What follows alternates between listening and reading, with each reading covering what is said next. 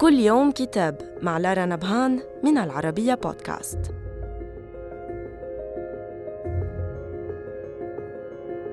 نتناول اليوم كتاب الأصابع على الزناد استراتيجيات الأمن القومي للدول الكبرى وتأثيراتها على الشرق الأوسط.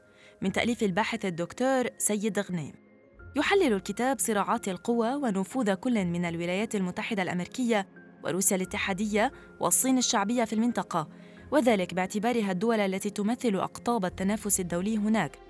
كما يدرس الكتاب الاستراتيجيات نفسها المتعلقة بإسرائيل وتركيا وإيران على الصعيد الإقليمي. كما يقوم بتحليل عمليات التنافس الدولي والإقليمي بين هذه الدول وأثرها على الأمن العربي. يتضمن إطارين زمنيين.